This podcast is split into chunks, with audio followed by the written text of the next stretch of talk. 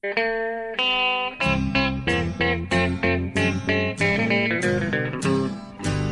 out there, we're on the air. It's hockey night tonight. Tension grows, the whistle blows, and the puck goes down the ice. The goalie jumps and the players bump, and the fans all go insane. Someone roars, Bobby scores at the good old hockey game. Oh, the good old hockey game is the best game you can name. And the best game you can name is the good old hockey game. Hallå, hallå, hallå, hallå! Hallå och varmt välkomna ska ni vara till en ny NHL-podd. Och avsnitt nummer 90 har vi det här.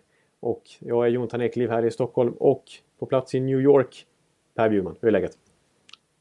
Jo tack, det är bra. Eh, det blir ju lite jubileum då, nummer 90. Det låter väl jämnt och fint. Tänk att vi har gjort 90 podcast. Man blir...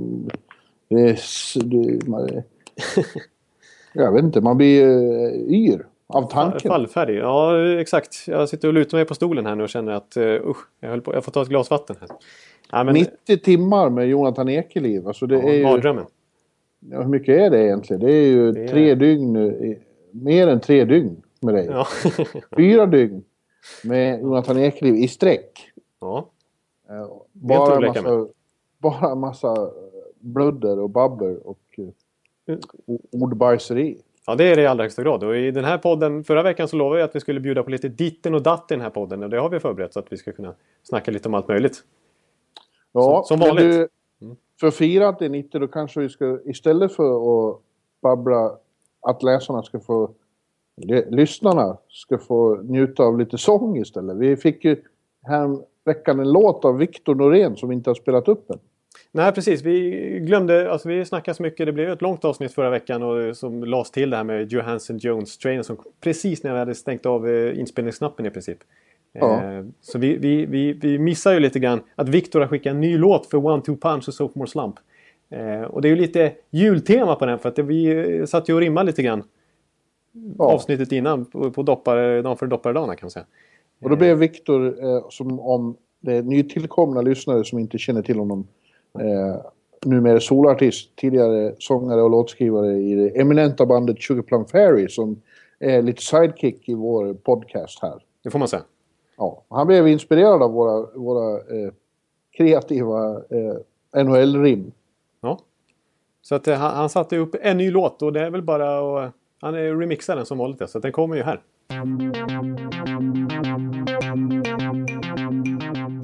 Tampas boss Jeff Winnick bjöd ju Steve Eisman på mat. Sedan var det klart. En grym general manager fixad, riktigt smart. Så nu bjuder jag hem Steven Stamkos till Örby. Fantastisk meny. Och vi avslutar förstås med lite rökig högprocentig whisky. Whisky. Whisky. Sedan sticker jag fram papper och penna. 8 miljoner dollar ny snittlön. Skriv under här, Steven. Använd denna. Ja, visst, säger Stamkos och sträcker sig efter lite mer alkohol. Och säger han nej så har vi kniven. Då har du kniven i Steven. Då har du kniven i Steven. Oj, oj, oj. Då har du kniven i Steven. Då har du kniven i Steven. Vi kör på det, Ekliv. Skål. Och säger han nej så har vi kniven. Och säger han nej så har vi kniven. Och säger han nej så har vi kniven. Och säger han nej så har vi kniven. Och säger han nej så har vi kniven. Och säger han nej så har vi kniven. Och vad tycker du om det där då, Bjurman? Ja, jag tycker det är underbart att, att, eh, mitt lilla kniven i Steven Fått sånt genomslag? ja, förevigades på det sättet. I, i forever. Ja. ja, jag tyckte kommer att bli en av många hits. Ja. Det, det, det tror jag definitivt. Vi, eh, det är naturligtvis eh, världsomspännande efterfrågan på att vi ska lägga upp det här på Spotify. Alla, Ja, alla hits. Vi har ju uppe i en eh, 15-20 stycken nu tror jag. Så det, Ja. det, det börjar bli dags nu faktiskt. Efterfrågan börjar bli enorm. Ja, jag tycker det är dags att vi gör en, en compilation här. Ja, ja. Eh, Viktor kanske kan ta på sig och sätta samman allt vi har gjort till en... Eh, ja, eh, Sophomore Slump, eh, One Two Punch, eh, Ett album. great, Greatest Hits. Ja, det, det är faktiskt great assist nu. Det, det, det, tycker jag man kan slå fast. Ja. Ja, men, och det, det är några lyssnare tycker jag som har eh, varit lite på om att det börjar bli dags här snart för Viktor att komma in i podden igen. Han har gjort en, en eh, live-framträdande i podden för, eh, för ett knappt år sedan. Det är absolut dags för det. Viktor, hör av dig. Vi vill ha med dig. Ja, så är det bara. Men Ja. eh, ja. Hör du, ja, det har hänt en hel del sen senast i vanlig ordning. Eh, Ja. Det är rätt roligt nu att det är så mycket som mitt under serielunken som håller på och växlar upp och snart inte är serielunk utan eh, racet. Eh, faktiskt. Ja, och eh, veckans stora händelse var ju då Alex Ovechkins milstolpe. Han nådde 500 mål. Ja. ja, exakt. Och det var ju fantastiskt. Alltså då, Washington var här i helgen. Mm. Och då stod han innan matchen mellan Washington och Rangers på 497. Ja. Eh, och det var väl eh, fåfängt trodde vi före och hoppas att han skulle eh, ta det på garden. Men han gjorde två inklusive eh, på övertid då. 499 i, en match som nog var den eh, bästa på hela säsongen här i, i New York. Jag är oerhört blir- besviken att jag missade den här matchen. För jag har ju fått eh, goda indikationer på att det var hyfsad eh, kvalitet. Ja, det var ju matiné så hur kunde du missa det? Ja, jag vet. Men jag jobbade. Ja, Okej. Ja, alltså den tredje perioden, var, då exploderade det verkligen. Ja. Eh, Washington hade 2-0 ledning, Rangers kom tillbaka och gick upp i 3-2 ledning och när det är fem sekunder kvar så kvitterar Niklas Bäckström och på övertid då gör Ovechkin ett helt fantastiskt mål. En soloräd från egen zon. Han, man ser på honom hur han har bestämt sig för att nu jävlar ska det bli mål och han trampar in framför framför eh, Lundqvist som en, som en pansarkryssare från Murmansk och, och, och bara gör det där 499 målet. Ja, sen är matchen därpå då, hemma mot eh, eh, Ottawa. Ottawa var det ja. Ett väldigt segt Ottawa som var trötta då. Ja, det får man säga. Sju- 7-2 till slut, var det inte det? 7-1. Vet jag. 7-1 till och med. Ja, de mäktade bara med ett mål. Ja, och då i ett powerplay i andra så då stänkte han in eh, 500. Ja, och det, reaktionen därpå, den, det var svårt att missa att han hade gjort ett speciellt mål i alla fall. För att, visst, man har varit med på senare år om liksom, eh, såna här milstolpar nås, att det blir lite extra, att det kanske kommer en jumbotron-hyllning eller någonting. Eller jag, jag som Tampa-fan minns ju inte minst när Stamkos gjorde 60 mål. Eh, och när han sl- sköt in det 60 i Winnipeg och publiken gav, på bortaplan, borta publiken, eller Winnipeg, hemmapubliken ska jag säga, gav honom en stående ovation. Eh, men det här var någonting extra. Hela arenan exploderar och hela laget flyger det var- på Ovechkin.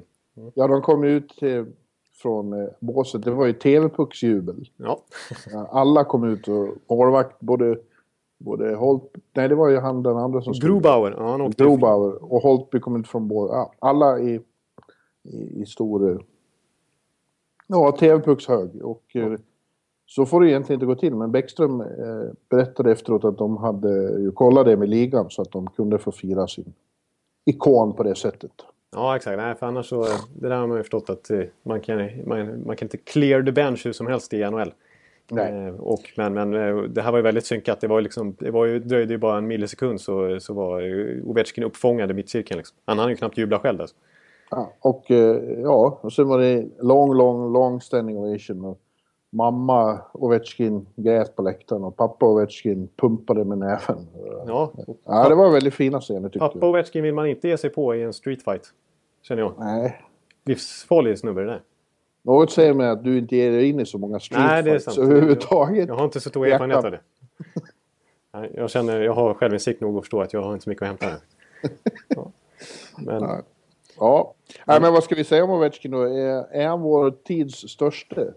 Han är åtminstone vår tids största målskydd, det kan vi väl det kan vi ju fast. definitivt slå fast att han är den här erans store målkung. Och det kan man ju dels slå fast genom att bara se hur eh, mycket mål han pumpar in. Och liksom, men rent statistiskt så är han ju helt överlägsen. Alltså, sen han kom in i ligan 2005 så har han gjort klart flest mål av alla NHL-spelare som, som varit med sedan dess. Alltså, Patrick Marlowe är tvåa. Han har 184 mål färre sedan dess än vad Ja, det var väl någon som räknade ut att till och med sen fyra år innan han kom till ligan så är han bästa målskytt. Ja, det är ju helt bisarrt egentligen. Ja, Eh, och- det är ju bara eh, fyra stycken tidigare som har nått 500 eh, snabbare. Ja.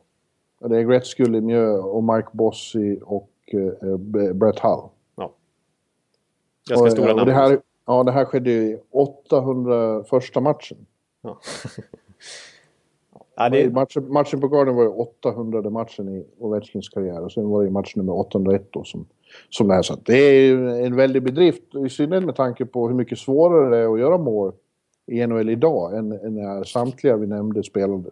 Exakt, så måste man ju säga för att eh, det har man ju sett statistik på också. Och det, eh, Ja, det gjordes ju helt enkelt fler mål då. Ja, alltså ett och ett halvt, ungefär ett och ett halvt mål per match per lag på 80-90-talet, i alla fall 80-talet och 70-talet.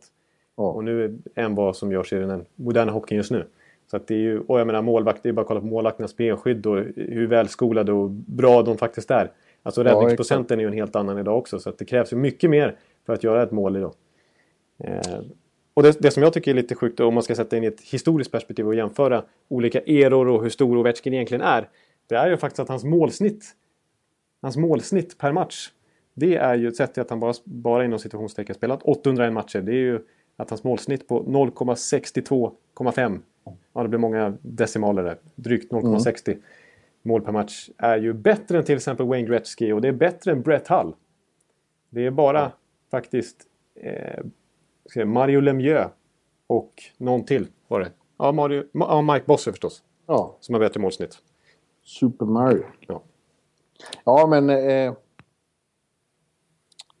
Så det, det, det Ja, säger ju ja. någonting om hans storhet historiskt sett också faktiskt. ja. Ja, och jag har haft eh, ynnesten och privilegiet att se honom väldigt mycket live. Och jag måste säga att det är en av, en av de stora... Eh, the thrill. Ja. är näst, aldrig så stor som man får se Alex Ovechkin i de stora matcherna. Det har ju varit helt fantastiskt att se. Det finns definitivt ingen som är mer eh, kittlande, Nej. tycker jag. Ja, Patrick Kane är kittlande på ett annat sätt, men, men när eh, Ovechkin exploderar, alltså det, är- det är något. Ja, nej, men det är, ju en, det är ju en mer attraktiv spelare att följa på isen än vad till exempel...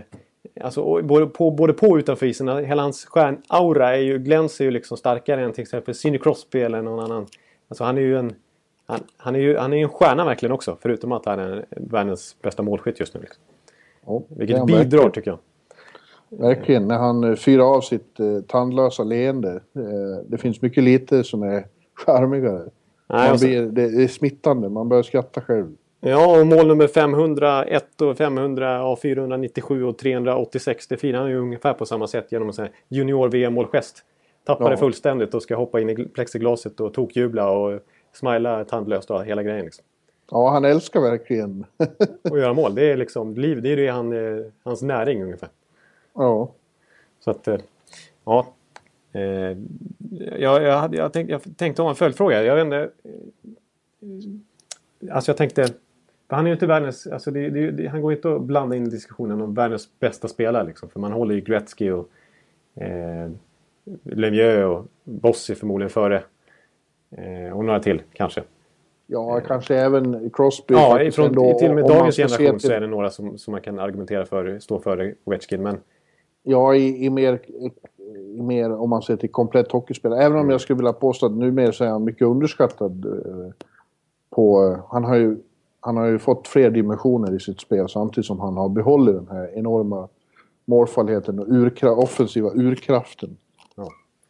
Eh, och det, som- det, det som är lite honom till last i de här diskussionerna också det är ju hans eh, CV på eh, meritlistan vad gäller att vinna saker. Vinna troféer, vinna eh, lag med sitt lag. Jag menar, Washington har ju chokat många slutspel. Nu känns det som att de har något på gång eh, verkligen bättre än någonsin egentligen. Eh, Sluta jinxons nu är den som säger på jävla mål. Ja. eh, när man säger det att nu är det dags. Men det känns ju så. Det känns som de har sitt definitivt sitt, sitt mest kompletta lag och sin mest kompletta coach under hela den här Ovechkin-eran som nu är tio år lång. Ja, ja, det håller jag med om. Det- Precis. Från målvaktssidan till backsidan till Ovechkin och forwardsidan också. För att forwardsidan är ju bredare och djupare än vad den har varit någonsin också. Ja, ja absolut. absolut. Men, eh, De är ju väldigt starka nu och ändå vi, väldigt viktiga pjäser borta här. Alltså, både John Carlson och, och Brooks Orpik har saknats nu några matcher. Ja, Orpik har varit borta länge. Det är ju Be- oklart. Beagle som är viktig center. För Marcus Johansson har varit avstängd ett par matcher men de fortsätter se lika starka ut i alla fall. Det är väldigt imponerande. Ja, det är rätt bisarrt faktiskt att de åker på någon plump där och deras långa svit går över. Sen så bara, ah, nu är vi uppe i fyra raka segrar igen. Ja. De bara seglar iväg fullständigt i, i tabellen. De är ju, Ja. det, det är som jag alltid brukar säga, det är X. Det är redan på plats där. Ja, Å andra sidan höll jag ja. på att säga, jag höll på att säga X på Montreal efter första nio matcherna också. Så att, ja, men nu är vi betydligt djupare in i det här. de kommer Ja, de leder ju överlägset nu. Fem poäng. Eh, fem poängs marginal på Dallas då. Eastern Conference går det knappt att hitta. Jo, det, Nej. det. är en bit Ja. ner om man säger så. Ja, eh, det är 10 poäng ner till Florida. Ja. Men i, i, i divisionen så är de ju snart eh, 20 poängs försprång. Det är ju helt otroligt. Det är ju fantastiskt. Är Två poängs system efter halva säsongen. Ja, det är ganska sjukt. Eh, bästa ryss genom tiderna, är han det då? Nej, det är svårt att jämföra. Det är så svårt att jämföra med de här Sovjetkillarna också. Det, det, och Fedorov har vi ju. Vissa är ju väldigt svaga för Datsjuk. ja. ja men eh, största ryska stjärnan i NHL-historien, det är det. Det är I alla fall. sak. Ja. Så kan vi slå fast. Och dessutom, om- det går däremot inte att jämföra. Alltså, om man ser tillbaka på Sovjet till de som inte fick komma till NHL. Generationen före med eh, Shalamov och Mikhailov. De såg ju aldrig du. Nej, jag har De- dålig koll på dem. Rent. De plågade oss som såg eh, VM och så på 70-talet och tidigt 80-tal. Det var ju inte så kul för oss. Nej. de var ju så överlägsna. Så Shalamov var ju framförallt, en, eh, tyckte jag, en helt... The shit. Ja. Vilken man- Men även Jakushev och Maltsev och så. Nej, nu ska jag inte gå in på det. Okej. Helmut Balderis. Honom skulle du ha sett. Du hade gillat Balderis, kommer du ihåg det? Ja, det, det tror jag nog. Jag ska googla upp han. Jag Mm. har känner en stark känsla för det. Ja. Men du, eh, vi måste gå vidare. Och eh, en annan stor match i, i veckan var ju då kanske något oväntat. Eh, Vancouvers hemmamatch mot Florida. När Vancouver klippte av eh, Floridas då 12 matcher långa segersvit. Ja, Och, och Daniel Sedin i högsta grad eh, var inblandad. Han gjorde två mål, inklusive det avgörande på övertid. ja. Eh, det- och därmed eh, så tangerade Daniel landsmannen Marcus Näslunds klubbrekord i antal mål. precis. Det var ju den givna vinkeln trodde vi alla. Det var, liksom, det Ja, var ju en ja, enkel vi- matchtext vi- att rafsa upp det där. Liksom. Vi, vi återkommer till det. Ja. Vi- börjar med det. Ja. Eh, det är ju stort. ja, det är stort. Men som Daniel själv påpekade eh, i segerintervju med Sportbladets eh, NHL-korrespondent Ja. strax efteråt. Han har spelat väldigt många mer matcher för Vancouver än vad Marcus gjorde och därför så menade han att Marcus är definitivt fortfarande nummer ett. Han är en av mina stora hjältar, sa han. Och, eh, jag är mycket, Marcus har gjort det mycket bättre än vad jag har gjort, säger han. Det stämmer ju på så sätt att visst, Marcus eh, gjorde färre matcher för. Canucks. Och nådde ändå det här, var 300... 46. Ja. Nej, Ja. men, men eh, det, det ligger ju, har man ju lärt sig i Öviksvattnet där, att man inte slår sig för bröstet Förhäver sig. som en Nej, annan va, Utan, Man förhäver sig inte, nej. Nej. Man sitter inte och sjunger eh, och så i podcaster och grejer. nej, just det. Nej. Men eh, så, att, så att det, det förstod man att han skulle vara ödmjuk där. Men det är en stark accomplishment får man ju säga ändå. För Daniel Sedin i det här fallet. Men ja, det, jag tycker det är kul att konstatera, och det var vi inne lite på tror jag för någon podd sen här, att, det, att Sedinarna är så, har lite, de har ju en rebound year här tycker jag. Ja, absolut. Det tycker jag med. De har studsat tillbaka och de är födda 80 så de blir 36 här. Men de håller fortfarande hög klass. Ja, jag tycker de de är- är, de är inte så beroende av speed heller. Alltså de, de, de glider ganska mycket på isen tycker jag då och då. Men eh, de är så otroligt smarta och så otroligt begåvade med pucken. Så att de, är, de, är, de är inte på samma sätt som normal, man normalt är i dagens hockey, tycker jag i alla fall. Är inte de beroende av fart liksom. Ja, och de, de gör ju sin bästa säsong på, på flera år. Och, och fast till skillnad från under de riktigt gyllene åren där kring 2010-2011 så har de mycket sämre omgivning nu. Ja, verkligen. Det är inte så mycket beställt med Vancouver utöver dem. Får man nog konstatera. Även om några unga killar nu har visat framfötterna. Eh, Virtanen och, och, och Horvath har ju varit bra här på slutet. Jag älskar uttalet Vertanen som de envisas Ja. med där borta. Men det är jag bekant med för jag känner en Virtanen som bodde här i många år och han använde också det. Det ska tydligen uttalas så. Det är så alltså? Ja, Virtanen sa han alltid. Ja. Eh, Så det är så. Ja, men då eh, Daniel avgjorde, så, som, precis som du sa, ja det här blir ju lätt att, att skriva. Ja. Eh, Men då brakar ju själva helvetet loss i Rogers Arena. Eh, Daniel och, eh, och även Henrik tror jag var, var framme vid eh, Floridas bås direkt efter och sa något. Och det var, blev ett fruktansvärt liv. Det Ja, var alltså, till sådana, eh, line brawl, alla var inblandade. det var old time hockey det där. Ja, Det var- inklusive då Floridas coach, Gerard Gallant, var med och skrek så han var högröd i ansiktet. Ja, han tappade helt. Det var rena rama Tortorella-scener där faktiskt. Ja, Det står och vevar själv nästan där. Nej, det var lite eh, märkligt. Och framförallt det som, det som var det värsta av allt tycker jag, det är ju så här sätter du egentligen situationen ur åt sig om man inte riktigt vet vem som gjorde vad och vad som inte... Alltså hur... Ja, hur vem som var den största liksom, hetsporren i, i, i alltihopa. Eh, Så sitter ju Floridas color commentator Dennis Potvin, den gamla storspelaren. Och, och, och häver ur sig massa grejer i Floridas sändning där. Om, ja han Ja. kallade Daniel för lowlife. ja, så att Henrik, Henrik pekade fingret mot båset och, och, och då fick Potvin till det att det där är fingret han s- slickar jordnötssmöret av mackorna med. Vilket är en helt absurd kom- Vad betyder det? Ja, det har skrivits texter om för att försöka tolka vad han menar med det här, men det är ingen som får något svar liksom. Nej, det skulle vara att han är så dum så han inte kan använda smörkniv typ. Eller, jag vet Ja, inte. sånt. Ja, ja, jag vet inte. Ja, nej, det var ju väldigt eh, anmärkningsvärt att en kommentator sitter och kallar folk för lowlife i, i tv. Så det är ganska grovt. Och så en dag senare efter att han har stått och ropat affekt så, så vill han inte be om ursäkt heller utan han tycker att det är fortfarande dålig stil av Daniel Sedin att jubla extra när man har vunnit mot Florida. De har faktiskt vunnit 12 raka matcher här. Visa lite respekt Sedin här. Ja, han kanske ska tänka på det själv lite grann också. Det här med respekt. Ja, man kan gå in på saker som Dennis Potvin har gjort i sitt liv. eh, eh, Men det behöver inte jag här. Men han är eh, anklagats för ett värre saker än att jubla på hockeymatcher. Så kan vi lugnt konstatera. Eh, Och grejen då, jag tog upp det här med, med, med Daniel, vad det var som hade hänt. Och som han, han och menade då att eh, det handlade om en spelare i Florida som hade gått över gränsen, sagt saker som... Eh, vi vet ju inte riktigt vad det handlar om, men Nej. Daniel sa att vi får höra saker hela tiden, eh, men eh, det får finnas... Eh, det får finnas någon form av, av gräns. Den steppade den här spelaren över.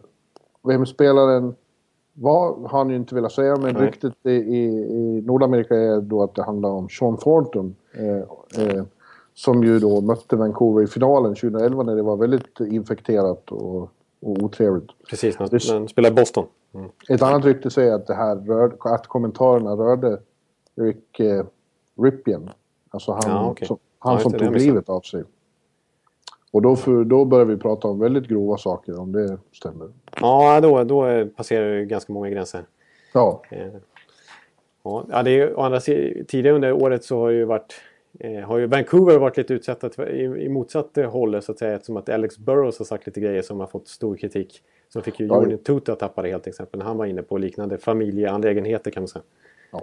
ja men äh, ja, eh, överhuvudtaget så är Vancouver genom åren just på grund av Burrows Ja. var- varit känt som ett lag som som, som snackar väldigt mycket skit som väldigt många lag har tyckt illa om. Ja. Eh, Honom och, och Bjäxa. Bjäxa, precis. Ja. Eh, Men eh, så blev det. Det verkar inte bli något efterspel till det där i alla fall. Nej, NHL var ganska tidiga med att man inte kommer att stänga av någon från detta. Att man inte kommer utreda det Tydligt. Trots de här scenerna faktiskt som ju var ganska bisarra. Så jag menar, man tyckte att det, alltså en sån som Galant som ändå ska vara tränare och lite förebild på extra nivå så att säga. Att han är med och vevar själv där i princip. Det är, ju- det är ju att klara sig ostraffad. Det är ju lite märkligt. Samtidigt var ju lite, alltså, lite paradoxalt då att han är inne i en väldigt sorgsen period själv när han skulle åka. Fick, fick skippa presskonferensen och flygas direkt till sin mammas begravning. Ja. Efter detta. Så man var väl inte sugna på att ge han något extra då heller kanske. Nej. Men det är Rogers Arena det händer. Eh, Ja. Det var ju där Tortorella skulle in i Calgarys eh, omklädningsrum och veva också. Ja, precis. Ja. Att, ja, men- håll med, alltså, ja du tycker det är skandal och så, men när man sitter och tittar på det så det, man, det blir Ja, man blir ju glad. Det kittlar ju. Ja, ja.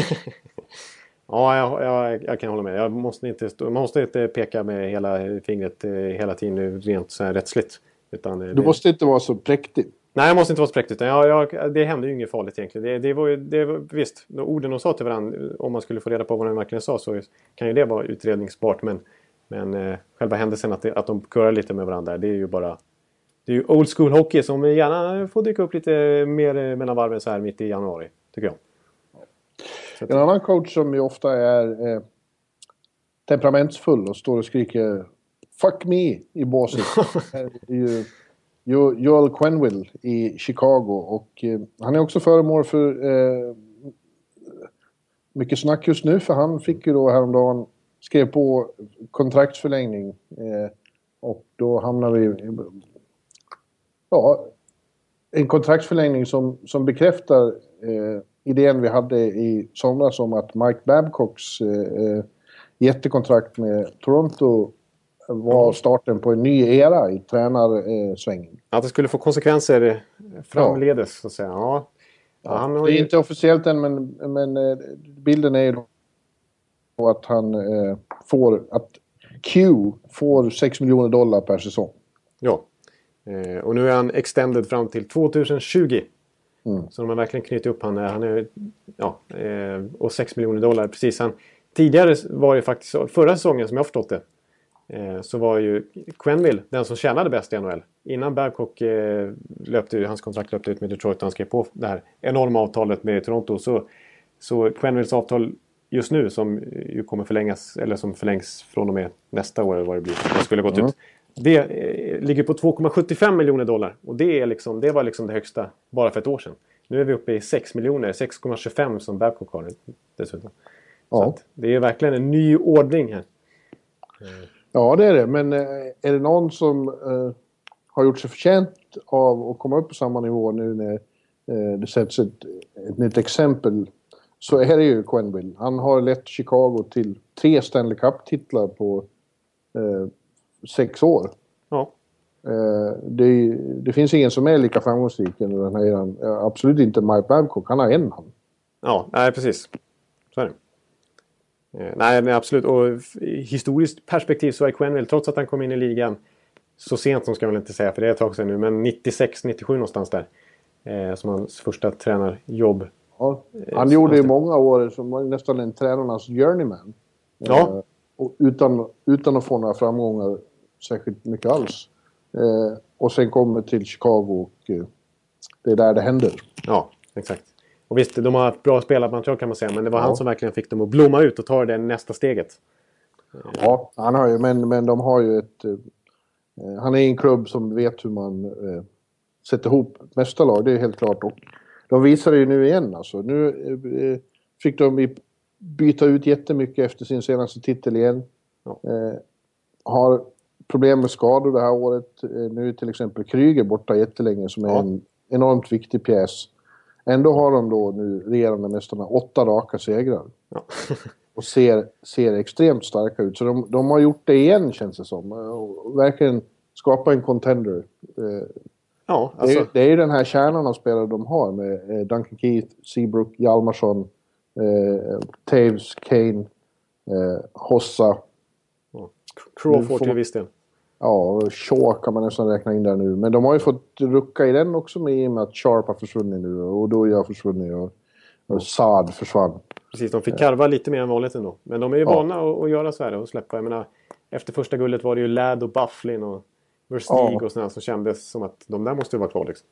Ja, men de får in spel direkt som, som, eh, som växer in i det så snabbt. Alltså man blir så Anissimo. imponerad. Panarin, Ja, Panarin och han, unge finländare redan i fjol. Terveinen.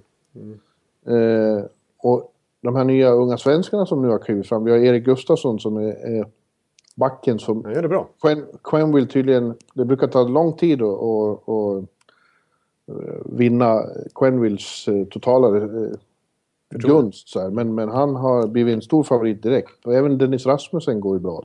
Precis, Rasmussen har på något sätt fått ersätta Kryger lite grann som defensiv center och lirar fjärde kedjan. Han får inte samma minuter som Kryger. Han är runt 10 minuter per match bara har jag sett på slutet. Men har gjort det väldigt bra. Ändå etablerat sig och fått den rollen och lirar en månad i sträck nu minst. Att, eh, Ja, Och inte minst Ja, jag är- Gustafsson som får lira med Seabrook faktiskt. Det är ja, han, ja, man ser honom spela, man blir jätteimponerad av Gustafsson. Så Hjalmarsson gjorde ju här förra veckan ett otroligt snyggt mål. Och det var ju framförallt snyggt för att eh, Gustafsson gjorde det så jävla snyggt ute på kanten. Det ser ut som att han skulle skjuta. Plötsligt passar han rakt in i slottet där Hjalmarsson kommer och tar emot den. Hjalmarsson sa själv att jag var helt överraskad. Jag trodde inte han såg mig, sa. Men han har ett fantastiskt spelsinne. Ja. Kul! Återigen en sån här svensk back som är... Alltså han, han har ju lite samma stuk på något vis som Erik Karlsson och John Klingberg. Lite, lite den... Om man ska definiera han som spelare så blir det ju lite åt det hållet igen. Ja. Faktiskt. Det är sjukt. Alltså. Quenneville behöver sällan, sällan säga “fuck me” när Gustafsson är inne på isen. Nej, precis. Nej. Nej. Frölunda-backar allihopa de där. Nu är i och för sig eh, Gustafsson djurgårdare och stockholmare från början. Men det verkar vara något med, eh, med backar och Frölunda då, får man ändå konstatera. Verkligen. Om de fick hem alla backar eh, till Ja. SHL-ryck här, då skulle det bli ganska bra. Det skulle kunna bli... Eh, exakt. Då skulle jag nog sätta så här SM-guld X vid Frölunda redan nu. Om man kan göra det. Och då Ja. har vi där också allt möjligt. Mm. Stökigt. Ja. Men... Ja, eh, men eh, Quenneville eh, har... Ja, jag har inte haft jättemycket med Quenneville att göra personligen, men jag har ju varit på enormt många presskonferenser och jag har, jag har ställt några frågor genom åren. ja.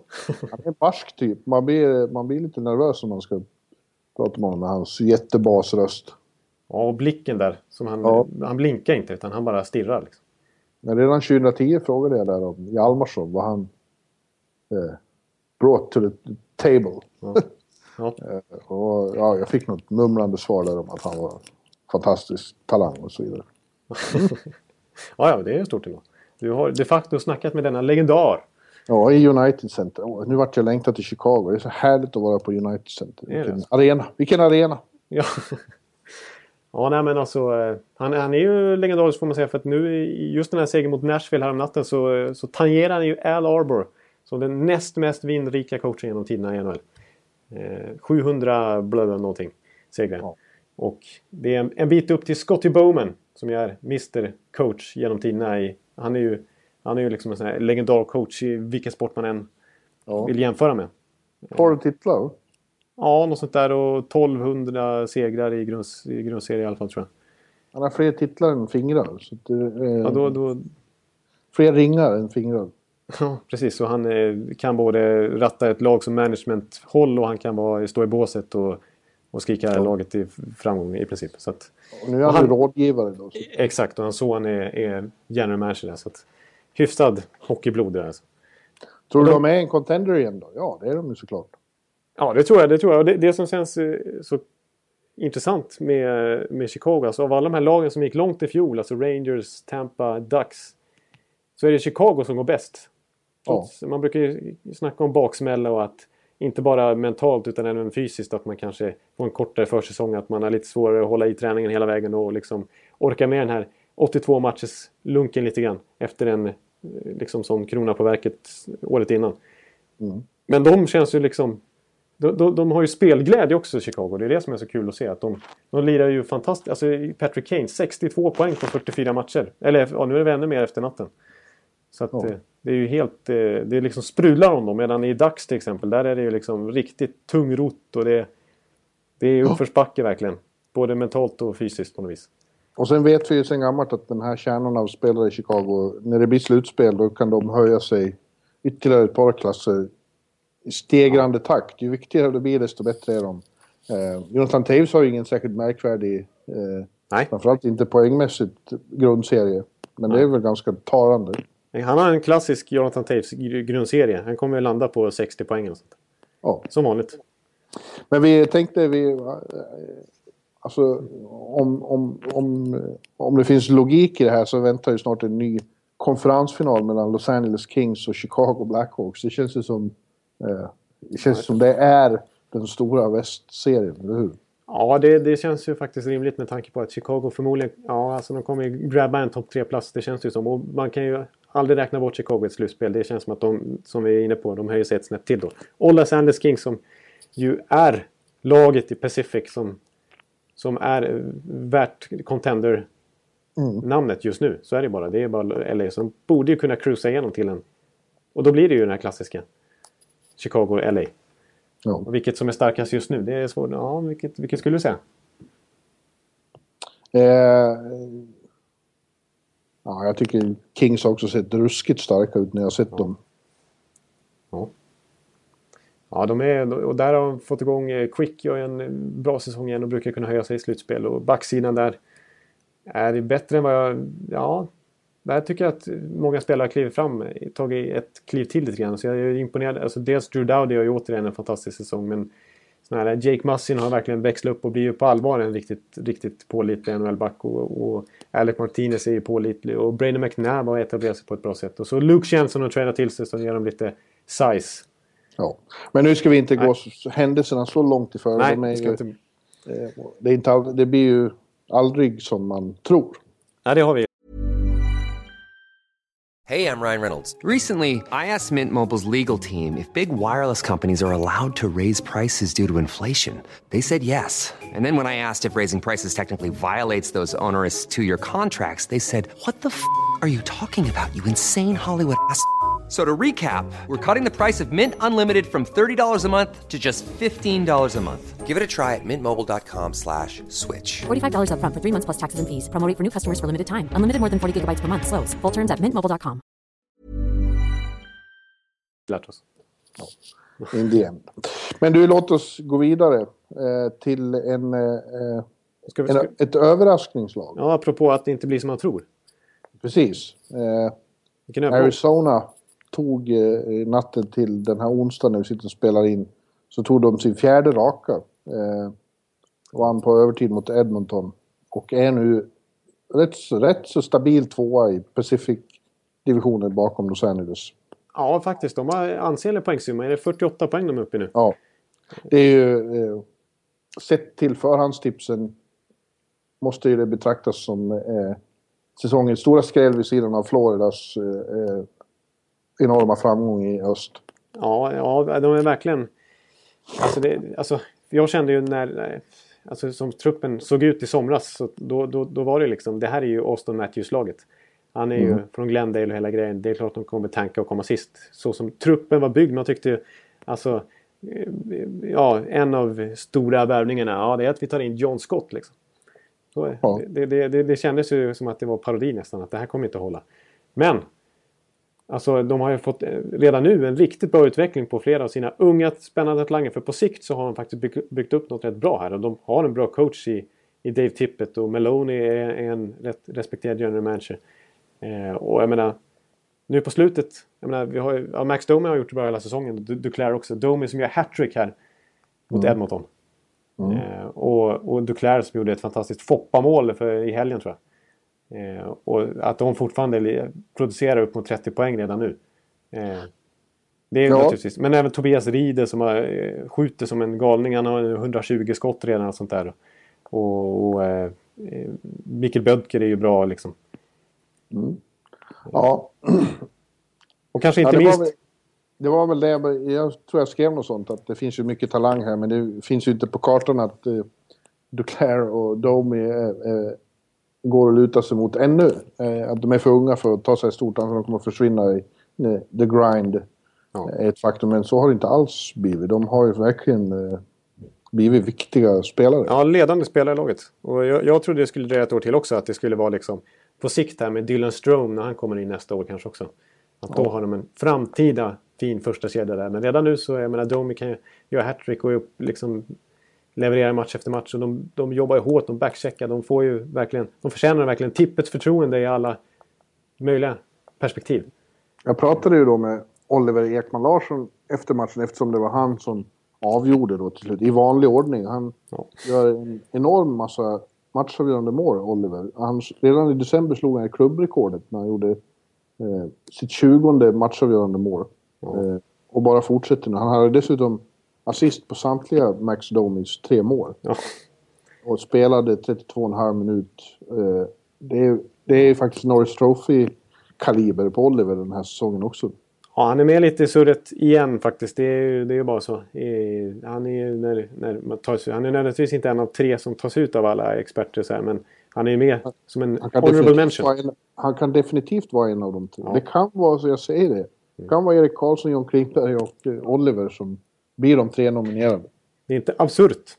Den Ja, tanken. det skulle vara något. Jo, men då pratade vi i alla fall. Ja, dels pratade vi om det där med eh, att han är så fantastisk och gör de här Arizonas viktigaste mål hela tiden. Han är ju svår att få att ta, det stort om, ta, ta till stora ord om sig själv. Men eh, ja, han får spela mycket som han säger och skjuter man mycket så så blir det bra. Men, men han höll ju med om att om någon hade sagt det här före säsongen så hade man väl kanske inte riktigt trott att de efter halva grundserien skulle ligga på, på den här platsen. Men han menar att eh, det, de är ett kämpande lag och de har fått till en väldig känsla av det. Att eh, när de sätter på sig den där tröjan så, så, så kämpar de enormt mycket för varandra. Men också just att de har mer skills än vad de hade i fjol. Eh, Och de här kidsen, han sa om Domi, han sa att han är självisk på ett sätt som vi har saknat den egenskapen. Själviska spelare. Så. Att man vågar ta för sig. Liksom. Ja, han menade självisk på ett positivt sätt. Att eh, när Domi får pucken, då skjuter han. Istället för att eh, kladda och eh, tjafsa. Ja. Och att det ofta är överraskande skott för målvakterna. Ja, han har ett ruggig release den där Domi, alltså. Det måste man göra. Och sen, sen måste man ju bara nämna i, i Arizona-sammanhanget här att eh, man trodde ju, visst de, de började alltså första månaden såg det ju rätt bra ut överlag och de har ju varit med i slutspelsstrecket liksom, här hela tiden. Och det var accelererat lite grann nu här men man trodde det skulle falla ihop definitivt när Mike Smith gick sönder i början av december. Eh, Ja. Att han hade ju öppnat säsongen så pass bra och kändes som att han var tillbaka lite efter VM-guldet i våras där.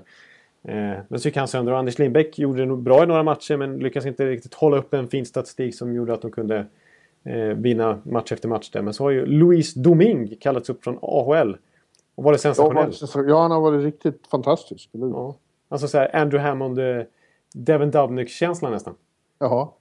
Eh, och har ju 95 procent, i i alla fall 94 procent hittills. Så fortfarande inte förlorat en match i, i regulation tror jag. Ja, han är uppe i 10 matcher nu och sånt där. Så att, det har ju verkligen hjälpt till och det, det är ju... En ny, en ny Ekeliv-favorit. Ja, eh, kan man kanske säga. Ja. Du, du blir ju väldigt förtjust i just målvakter lätt. ja, det kanske jag blir faktiskt. Särskilt sådana här oväntade som bara dyker upp. Ja, Dubnik. Ja, ja precis. Och, ja, jag är förtjust i Dome, jag är förtjust i Pareko. Det är för sig, men lite sådana här unga rookies överhuvudtaget. Jag är ju svag för. Men eh, eh, det som är lite kul historia, historia med, med Doming, det är ju att han... Han var ju keeper i Quebec Remparts i QMJHL länge under hela sin juniorkarriär kan man säga. Eh, Och var första keeper där. Eh, och var väl på tapeten att komma med i kanadensiska juniorlandslaget i JVM och sådär. Men jag tror inte han kom med någon gång. Men där hade han i alla fall Patrick Roy som tränare. Och man kan ju inte tänka sig så mycket bättre än Roy. Eh, en gammal stor keeper i allra högsta grad som coach. Men de två, de, de gick ju inte ihop överhuvudtaget. För att Roy tyckte att Domin var kass. Ja. Sagt. Det var inte bara så att han... Eh, eh, liksom, det, och det här luftade han offentligt. Han sa ju, han sa ju flera gånger att, att han tycker att äh, målvaktsspelet det håller inte. Och, ja, vi vann inget med Quebec. Till, något stort. Vi vann inte med Memorial Cup för att vi hade för dåligt målvaktsspel. Det var Dominguez. Nej, han, han höll inte. Liksom. Och medan Dominguez i sin tur har liksom svarat lite på det här. Och, och, och sagt att Roa tycker han är den värsta människan han någonsin har stött på. Aldrig, Jaha. aldrig eh, till hjälp eller aldrig till lags på något vis utan bara negativ och gnällig om allt vad Domingue gjorde. Han sa aldrig ett positivt ord till honom eller något som kunde hjälpa honom på traven. Att, eh, Och eh, samtida Colorado-fans ruskar eh, igenkännande på huvudet. De är ju många i Colorado som tycker att... Eh, eller många som håller på Avalanche som tycker att Roy är en värdelös coach. ja, det är ju inte energispridaren nummer ett. Nej, de tyckte ju laget, kommer jag ihåg när han, när han kom in, att han var en sån frisk fläkt. eh, Men nu anses, det är många som anser att han, att laget med all sin talang hindras av en dålig ledning. Ja, ja. ja och då är han, är, han är liksom, dels har han ju den här defensiva inställningen till hockey lite grann får man ändå säga. Och dels så är han ju väldigt, verkar ju onekligen av de betyg han får, vara väldigt gnällig och negativ och liksom eh, hård och liksom auktoritär. På ett eh, inte så positivt sätt. Ja. Ja. Så att, eh, vi får se. Alltså, jag, jag, jag säger så här i alla fall om Arizona att, att jag tror att eh, nu har vi inte kommit så här långt in på säsongen och jag, man kan börja dra lite slutsatser. Och jag tycker Arizona, de, precis som Winnipeg och Calgary förra säsongen, så eh, när det bara var några veckor kvar av säsongen och bara några matcher kvar så eh, fortsatte man att säga att det här kommer inte hålla. Och det är liksom, som, som motståndarlag känns det som att man, man kom till eh, Calgary och till Winnipeg och trodde att man kunde ta poäng.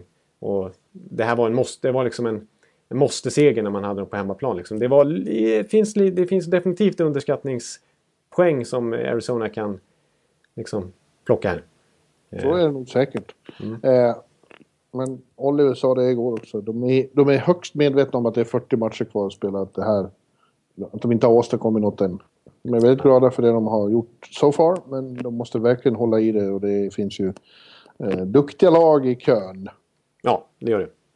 Eh, och sen sk- för deras del så har de ganska, ganska tur med skador också får man säga. Nu är ju i och för sig Mike Smith borta och Dominga har klivit in. Men, men i övrigt så har de ju, jag menar får de en skada på Dome eller Ekman Larsson eller Rieder eller Böttgen och sånt där så det kommer ju kännas ändå. Det är svårt att hålla Ja. uppe den här sviten. Ja. Ja. Det, Men det- en, en sak till om Duclair som jag tycker är kul och konstigt. Hans skottprocent. 27 procent i skottprocent. Det är ju helt bisarra siffror. Om man jämför med våra sex som har 3 procent. Så man får säga att hy- hyfsad utdelning också. Topp. Ja. Ja. Men jag nämnde, jag sa kö där. Jag ville bara nämna det att eh, i...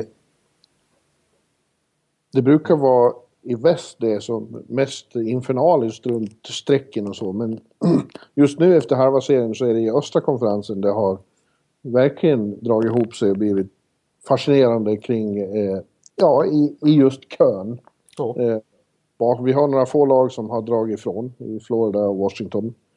Eh, in- just nu i någon mån så får man väl säga att, att Detroit Rangers Islanders ligger hyggligt till. Men bakom där så är det ju otroligt många som ligger på, på nästan samma poäng. Man kan säga att eh, eh, kanske Toronto, Buffalo och framförallt Columbus är väl liksom eh, av Ja, de är... De, i nuläget. Men vi räknar alltså, inte med dem. Philadelphia och mycket överraskande Carolina eh, är ju med och trycker på bakifrån eh, i strax under wildcard-strecket där. Ja, vi har fått lite lyssnaranspråk om att fokusera lite på Carolina. Men vi kanske får göra det mer utförligt i någon annan podd. Här. Men om vi Ja, ska det hinna vi med. Men- Om vi ska hinna Men det med är allt. väldigt roligt att se att, att, eh, att de, de är på väg uppåt och de är på väg åt rätt håll och, Bill Peters gör det här bra. Ja, ja verkligen. Men framförallt, det är fascinerande att se då att, att eh, Montreal, Tampa, Boston, Jersey, Pittsburgh, Ottawa, Carolina, Philadelphia slåss om några få platser där. Ja. ja, att Philadelphia faktiskt hakar på fortfarande. Alltså, det, det var ju lite wildcard inför säsongen känner man att, att de, eh, de kanske räcker sig. Men med tanke på att det är många lag, så- alltså, det är så otroligt jämnt så, så är det ju... Så har man ju chansen att haka på här faktiskt. Ja. Ja, men de har ju... Eh, Det är så ojämn, ojämna lag här också. ja, Flyers har ju tre raka nu. De, de har ju lyckats göra sig av med det som de betraktade som lite dödkött. Eh, och fått unga spelare att kliva fram med eh, The Ghost. i, Ja, i framförallt i, i spetsen. Ja. så det är väldigt spännande. Och du vill ju diskutera det i, i, då. Jag har inte så mycket att säga om det. Jag har inte satt mig in i det så mycket. Men eh, eh, vad gäller just det där dödköttet då så vart de ju av med Le Cavalier i den här traden som hände mitt under förra podcasten. Eh, Ja, det var precis i slutet där också. Vi hann liksom inte riktigt eh, suga in den och analysera den på något vis. Eh, Bara säga någonting om det. Vi konstaterade mest på att Niklas Wiberg blev helt lyrisk och började glädjesvettas på Twitter när han såg uppgifterna om att Le Cavalier har blivit tradad till Los Angeles Kings. Tillsammans med Mm. Ja, som sagt, jag har inte tänkt på det där sen dess. Men du har, du har uppenbarligen gjort det. Så säg något du. Ja, jag kan säga något. Nej, men jag, jag, jag återigen... Jag är ju, det är ju två general managers jag brukar sitta och hylla. Ja, det är ju naturligtvis eh, Bowman i Chicago också, men Bergevin i Montreal är jag ju svag för. Och så måste jag säga att jag tycker Ron Hextall gör det väldigt bra i Philadelphia genom att städa efter Paul Holmgrens alla fadäser. Med alla jobbiga kontrakt han har har att göra med där. Och det här Le Cavalier-scenariot är ju perfekt för Philadelphia. För att nu...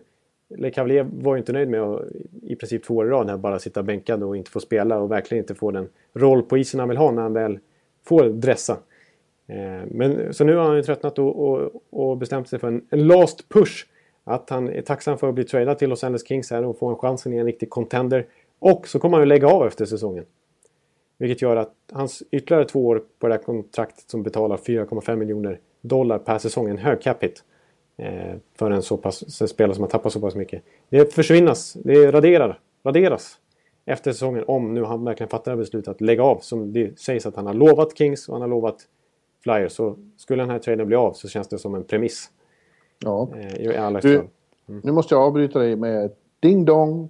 Det där är eh, signalen för breaking news. Det händer den här veckan också. Oj, oj, oj! Eh, Bob McKenzie meddelar att det är nu otroligt nära att eh, eh, Los Angeles Kings, som vi just pratade om, och Ansi Kopitar är överens om ett nytt avtal på åtta år som ger 10 miljoner dollar per år. Oj!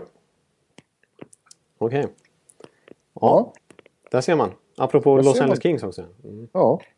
Eh, och det går inte att säga något annat. Ja, det är väldigt många år. Eh, eh, och väldigt mycket pengar, men det är svårt att säga något annat än att han är värd det. Ja, med tanke på eh, vad Kane och Taves sitter på för lön här nu och vad, vilka summor som Steven Stamkos eh, vill ha för sitt nya kontrakt så, så är det också precis som med Quenville och Babcock så är det lite ny ordning som etablerats i NHL.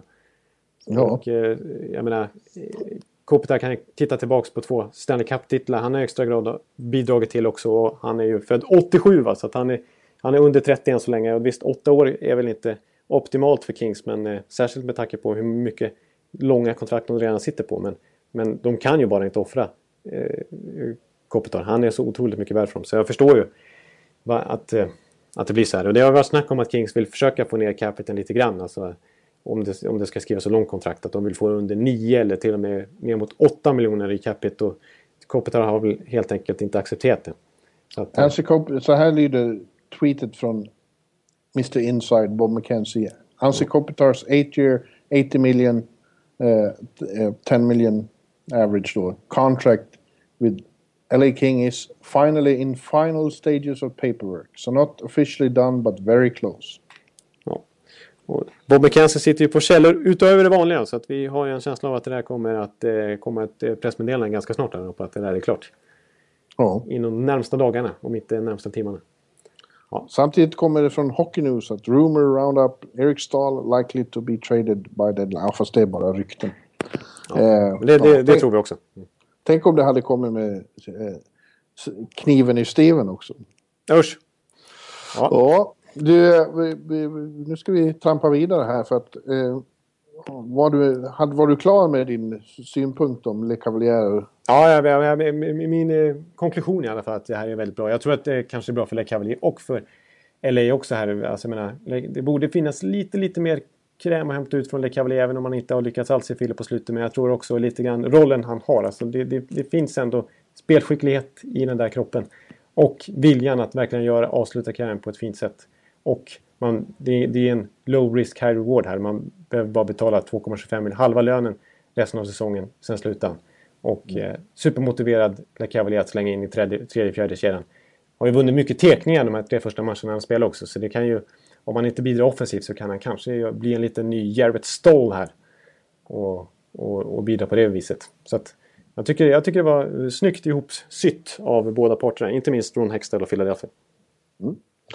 På körschemat står det också att du vill diskutera vad du tror att Kevin Chattenkirk, eh, St. Louis-backen, hamnar eftersom det nu är mer eller mindre bekräftat att han också är in play. Ja, precis. Vår vän eh, McKenzie har också varit inne på det. Att eh, visst, han, his name is definitely out there. Och att det är Jerry Madison som hör sig för om Kevin Shattenkirk. För att grejen är ju där att visst, St. Louis skulle nog väldigt gärna behålla honom. Det finns ju ingen anledning att släppa honom rent hur han presterar på isen. Han är ju jätteviktig för dem, inte minst deras powerplay.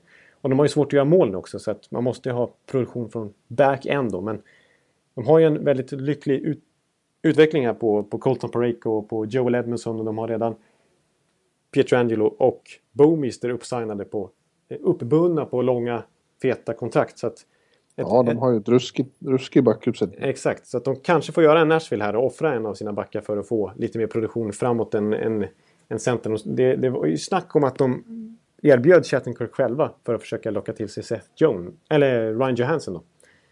Innan den traden blev av att, att St. Louis var ett av lagen som utmanade Nashville om Johansson.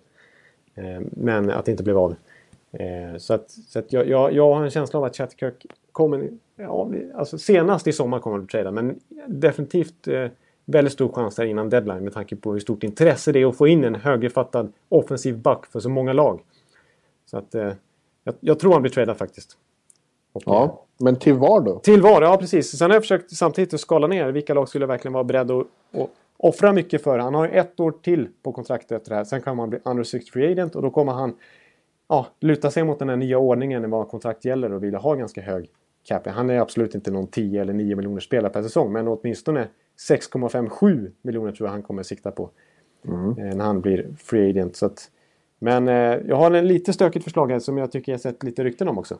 Eh, som, eh, visst, de har Chris Letang som en fantastisk högerfattad offensiv back. Men ett lag som verkligen behöver backar. Jag tycker Shattenkirk är en duktig tvåvägsback också. Det, är- det är ju alltså Pittsburgh. Ja, det har du helt rätt i. Eh, och ja, de har ju verkligen möjlighet att offra någon offensiv spelare också. För där har de ju nästan överflöd.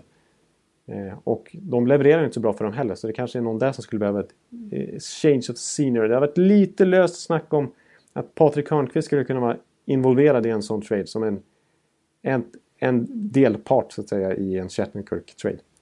Ja, men å andra sidan han är väl inte riktigt det som St. Louis är ute efter. Nej. Eh, Då har de väl snarare siktet inställt på en Malkin, men det är väl att tro på för mycket. Ja, det, det skulle ju vara eh, guld och gröna skogar för St. Louis. Det är, ju, det är ju verkligen det de suktar efter eftersom att Stasny har varit mycket skadad och känns det ju inte riktigt som den där första centrum de verkligen vill ha. Eh, det är ju, det är ju därför de var rykte verkligen i Johansson också. Så att, men... Ja, de behöver offensiv i alla fall, det kan vi konstatera. Och David Backes har utgående kontrakt också, vi får se hur de gör med honom. Eh, för det är ju inte heller den här producerande centern riktigt. Men ska de ha Malkin, då får de alltid slänga med mer än Shattenkirk. Då måste det med. Ja, då ska det till eh, mycket. Då kommer det snack... Ja, vad har vi då? då är, ja, Pareko kommer ju Pittsburgh kanske vara ännu mer intresserade av i så fall. Och de kommer vara intresserade av...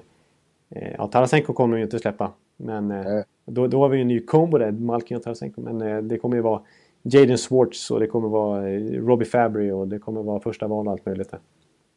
ja, Det var väldigt spekulativt i alla fall. Men jag ser en Ja, fit men- i alla fall där. Jag förstår att du tänker tanken. Ja. Eh, Ja, för du har ju rätt, de behöver ju backar i Pittsburgh. Jag tycker de skulle kunna eventuellt ha pjäserna för att få till en sån trade också. Om de pull the trigger. Ja. Ja. Mm.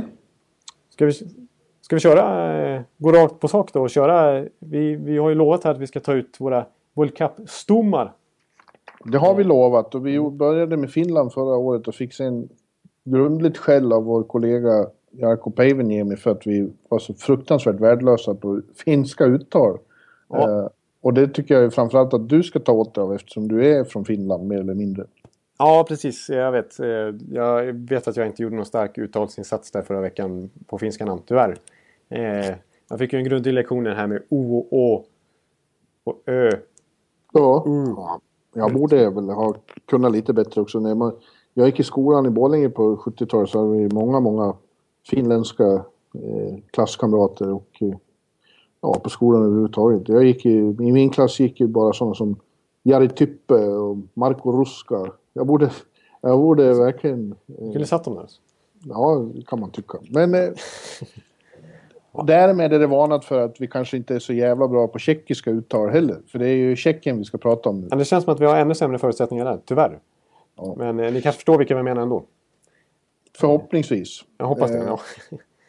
Lite intressant alltså. Det är ju, eh, tycker jag det känns som rätt tunnsått på både målvakts och backsidan. Ja, jag är förvånad. Alltså, jag förvånad. Man, visst, eh, när man, eh, eh, man, man... Man vet ju att Tjeckien inte har någon stark backgeneration just nu. Men när man väl skulle försöka sätta ihop det här så... Oj, vad, vad dåligt det var verkligen. Riktigt. Jag har åtminstone sett det, det, man får ju göra reservationer att vi, jag har ingen aning om vad som finns på eh, hemmaplan i Tjeckien och, och på KHL och bland, ja, precis bland unga talanger och så. Men eh, nej, det var ju svårt att få ihop eh, något som känns som eh, värdiga backpar. Det skulle vara Sid Licki som ju har varit bra men känns som att han är på nedgång. Precis, och det, det, är, det är nödvändigtvis inte så att han tas ut i en sån här stomme. För jag listade ut i reglerna här när jag pratade med... Det hade jag kunnat googla mig fram till också. Men jag pratade med Garpenlöv här om veckan som var på redaktionen. Att, som ska vara med och ta ut den svenska truppen. Att det är första mars här, då ska det tas ut 14 spelare varav Eller vänta nu. Är det 16 spelare? 14 spelare tror jag och två målvakter. Eller så är det 14 spelare inklusive två målvakter. Nu sjabblar jag till det igen. Här. Jag sa ju det här i förra veckan. Du gjorde det? Du gjorde det? Okej, jag fick... Men hur är det nu? Du, du, får, det- du som har koll här. Är det 14 spelare och två målvakter eller 14 spelare inklusive två målvakter? Nej, det vet jag inte. Däremot inte. Det var väl detsamma. Vi, vi, Ja. vi ska inte ta ut dem formellt. Vi Nej. ska bara prata om det här. Ja. Men vadå, det är väl klart att Silicki skulle vara en av dem. Ja, men jag tänker att han är... Hur gammal är han nu, Sidlicki? Han, han är väl född 77, sätter jag bara på rak arm utan att riktigt ha koll. Han är, eh, jag, är lite, jag är lite osäker på han och till exempel Jagger, om de verkligen kommer att eh, tacka ja till en World Cup-plats första mars. Men De har en, då, då måste de på något sätt satsa mot en ny säsong redan nu. Och det vet jag inte om till exempel Sidlicki kommer göra. Jag tror ju Jagger kommer göra det, men... Men vänta nu, vi får återkomma till det här. Men, vi, ja, men sånt måste vi skita i. Ja, vi skiter i Eh, det. Okej. Vi får bara ta ut dem som tror... ja, de att- bästa. De som jag Ja. hoppas spelar. Ja. Och som sagt, det, är- det känns ju inte... Men han och, och Kindle och... eh, Ja, det är nästan som man kommer till din syster. ja, det är ju faktiskt så. Och Paula och sen Godas, jag vet inte, är han värdig? eh, Det kanske han är när det ska spelas i, i Kanada och så. Ja, men det är på gränsen. Det, det känns verkligen som borderline att de ska få spela ett World Cup. Det här är ju mest tredjebackspars-snubbar vi snackar om. Ja, och Smid. Och Ladislas Smid som inte ens spelar i NHL. Ja, det gjorde han ju i Calgary, men, men han får inte spela mycket i alla fall. Nej. Och eh, Roosevelt som bara är någon slags eh, försäkring i Chicago. Och eh, Polak som knappt spelar i Toronto. Ja, Han gör lite grann, men han hade en hemsk match mot eh, San Jose när han var inne på tre baklängesmål. Ja. Så att eh, det, det är ingen stark backsida, det kan man konstatera. De har några killar i, i, NHL, eller i KHL och så som de tror lite på. Men det är svårt att se vad, hur de kommer prestera i, i liksom, ja, på, i, på nordamerikansk is mot NHL-spelare. Liksom. Ja. Nej. I någon mån är det ju lika med målvakten. De har en Mirasek då i Detroit som är, har varit bra i år. Men han känns inte heller som någon klockren så här, oj oj. Eh, det, det- är ingen, det är ingen det är Carey ingen Price. Vessina, det är ingen Vessina contender. Nej, det känns inte, inte ännu i alla fall. Jag, nej, faktiskt. Eh, Jag har ju ganska... Nu ska jag inte dra upp till Tampa igen, men jag kommer ihåg när han vann AHL med Grand Rapids mot Tampa Bays farmarlag. Så då var han ruggig vinnarskalle och täppte igen det. Men, eh, om Rasek, han var väl utsedd. Han fick väl en stjärna här när veckans tre stjärnor skulle utses som NHL. Så att han har Ja, det är ju han. Det är ju han i och med att det är... Uh, hur uttalar man han i Winnipeg uppe? Pavel, Pavlets. Pavlets. Ja. Eh, du är, inte är självklar första målis. Nej, i, nej, verkligen inte. Han, vi får se hur, han, hur, Winnipeg gör när han kommer tillbaka som skadad. För att Conor Hellebuck har ju varit fantastiskt bra. Och så har de ju även Michael Hutchinson där. Så att, och Pavlets tycker jag aldrig imponerar i tjeckiska landslaget heller. Så jag, Nej, det är Mrazek. det är Mrazek och sen så är vi, det är väl Neuwirth också då. Som är aktuell. Ja. Eh, Men det jag däremot har då satt, fram, satt ihop några kedjor. På den punkten ser det ju desto bättre ut får man Ja, ju där säga. ser det bra ut. Nu är det ju så som du nämnde ju Jagr där. Jag tror att han redan har gjort klart efter att han har gjort sitt i tjeckiska landslaget. Det det var väl så efter något OS här. Men, men med tanke på hur bra han är nu och hur- hur bra det går här i NHL så kanske han kan tänka sig att ompröva det i en World Cup då för att det blir så roligt. Han verkar ju... Han, vill ju, han har ju sagt nyligen att han vill spela till han är 50 liksom. Han kan inte Ja, tänka sig i ett liv NHL ja. hockey. Men han ja. har ju pratat mycket om att han tackar nej till landslaget för att det, eh, det är ju en illa... Eh, ingen stor hemlighet att han har lite jobbigt med hur Tjeckien ser på honom. Han är ju liksom gud där. Han tycker det är jobbigt. när, jag, när jag pratade med honom inför eh, Sochi så jag hade lyckats boka en one-on-one eh, efter en träning med Devils. Ja. Eh, och då var det först ett tjeckiskt team där och intervjuade honom före mig. Jag stod och väntade. Och sen när de hade gått så jag kom fram och presenterade mig och han sa I, I can't talk to those people. They think I'm God. Ja,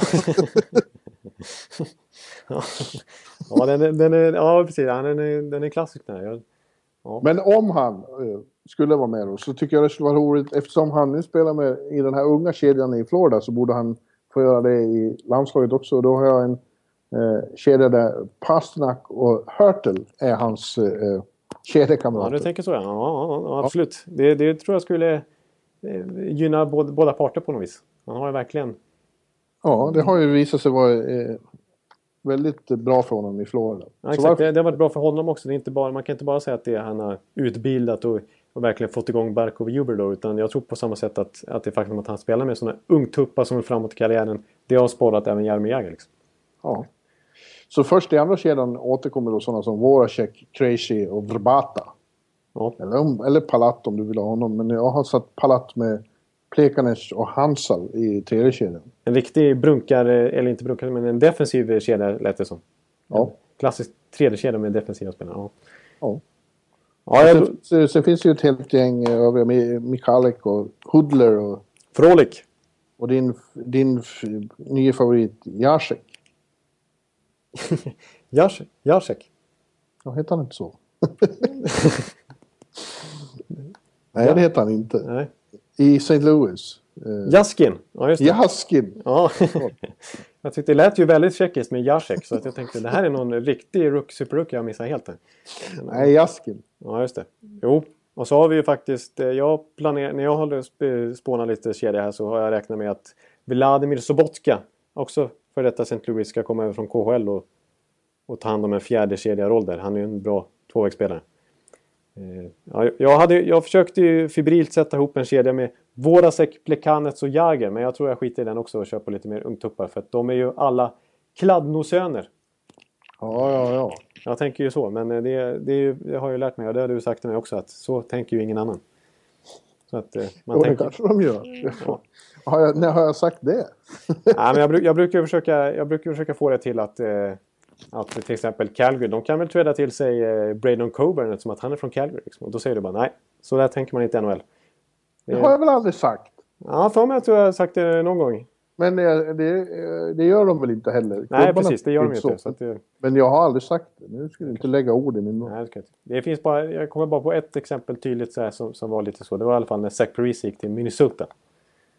Ja. Det var ju lite så. Tänkte, han tänkte framförallt så. Han ville väldigt gärna dit. Ja, Och det ville Vanek också eftersom han bor där. Ja, just det. Exakt. Ja, ja men eh, vi är ganska överens där faktiskt. Jag, jag satte Pasternak, Plekanec och Jager i andra kedjan. Och så har jag, jag naturligtvis har ju Palat i första kedjan med Krejci och Voracek. eh, och sen så Hertel, Hansal, Verbata. Hansal och Verbata tänker jag att de, kanske fortfarande har lite kemi efter sina Arizona-år tillsammans. Och sen eh, eh, Frolik och Sobotka i, i fjärde kedjan med antingen Hudler eller Michalek. Alltså jag, Michalek har ju verkligen tappat. Men eh, nu kollar Leifby väldigt eh, läskigt på mig här. Jag tappar koncentrationen. Men eh, eh, Nej, han är väl inte din chef på minsta vis? Nej, precis. Jag vet. Jag tappar helt. Jag, jag sitter helt ner, ner poddrummet. Jag har suttit så still i poddrummet här nu så att det är såna automatiska lysfunktioner här på. Så det är helt kolsvart här. Det är bara, det är bara datans ljus som lyser. Och, så Ja. kommer, och så dyker Leifby upp i fönstret och ser livsfarligt. Det var det som hände. Men Mich- Michalek, jag tänker att de, måste ha lite defensiva boxplay-spel också. Då tänker man att den gode Mi- Milan Michalek kan komma med. Precis som hans brorsa Subinik Michalek, backen i Arizona också. Som, med tanke på backbristen där så är det mycket troligt att han halkar med också. Känner jag. Ja, vi har ett... Vi har en, tr- men det känns inte som de är någon contender i World Cup med den här backuppsättningen. Nej, nej, verkligen inte. Då skulle, skulle vi köra Tjeckoslovakien, då skulle man ha en chans. Kanske. Ja. Få in Hossa Men nu får vi inte det. Utan Nej, de precis. slovakiska spelare som finns, de kommer att hamna i Team Europe. Som Ja. vi ska, det, som, det ska bli väldigt intressant att ta ut. Ja. Men först, nästa vecka ska vi ta ut Ryssland också. Bra! ja, det, det känns som att där kan vi laborera med kedjor hur vi vill. Alltså, där finns det att välja och vraka. Ja, det gör det. Det blir skitbra. Men, ja. Vi, eh, Ja, då Jo. är vi väl klara då för den här veckan. ja, vi får göra så. Jag ska återgå till eh, jobbet här. Eh, Ja, jag så- med. Ja, precis. Tror du jag bara sitter här och rullar tummarna hela ja, dagen? ja. Nej, det tror jag inte. Jag bara skojar. Men eh, ja, jag tänker, vi får återgå till våra alldagliga sysslor här. Så får jag bara nämna då eh, nummer 90. Ja, just det. Ja, det här är högtidligt för mig nu för jag känner ju hur vi närmar oss 100 och det här tar slut. Usch. Men nummer 90 det är ett bra nummer i NHL. Det, det, det är lite överraskande bra tror jag. Eh, vi har faktiskt Jason Spezza har ju det numret sen han blev tradad till Dallas. Eh, vi har Ryan O'Reilly som jobbar med nummer 90 också. I Buffalo. Eh, Marcus Johansson. Ja, just det. 90. Vladislav Namestnikov som gör det bra i första kedjan nu med Stamkos i Tampa Bay. Och så poddfavoriten Alex Chiasson. Ja, jaså, är han det också? Jaha. Ja, ja, Ja, jag, jag säger spetsar då med tanke på hela historien och så. Ja, ja då säger jag, eftersom att jag, eh, jag är ingen bra fantasyspelare, men jag, jag halkar på och kör lite varje säsong fantasy. Ryan O'Reilly är en fantastisk fantasyspelare. Vinner teckningar som en galning och kan även användas som högerforward i, i, i alla fall ISBNs fantasy. Så att det, Ryan O'Reilly är ju en, en MVP nästan fantasymässigt, så att han, han ger första platsen som nummer 90. Ja, kul för honom. Ja. ja. Ja, men du, eh, Ekan, Youngblood, Örbys, Frank Sinatra. ja. Då tackar jag för den här veckan. Jag, jag tackar hjärtligast eh, Per Bjurman. Ja, kommer inte på något bättre. Nej, jag kommer inte på något. jag måste jobba på en... Eh, jag, har, jag har några förslag där, men eh, jag, jag, jag ska jobba på dem. Men eh, då blir det Ryssland och det blir säkert... Eh, jag har en känsla av att det kommer vara lite trader vi diskuterar nästa vecka också. För det är bara att smattra på nu. Yes. Då får ni Ja, gött. men du, ha det så gott. Ja, vi hörs. Hej! Hej, hej.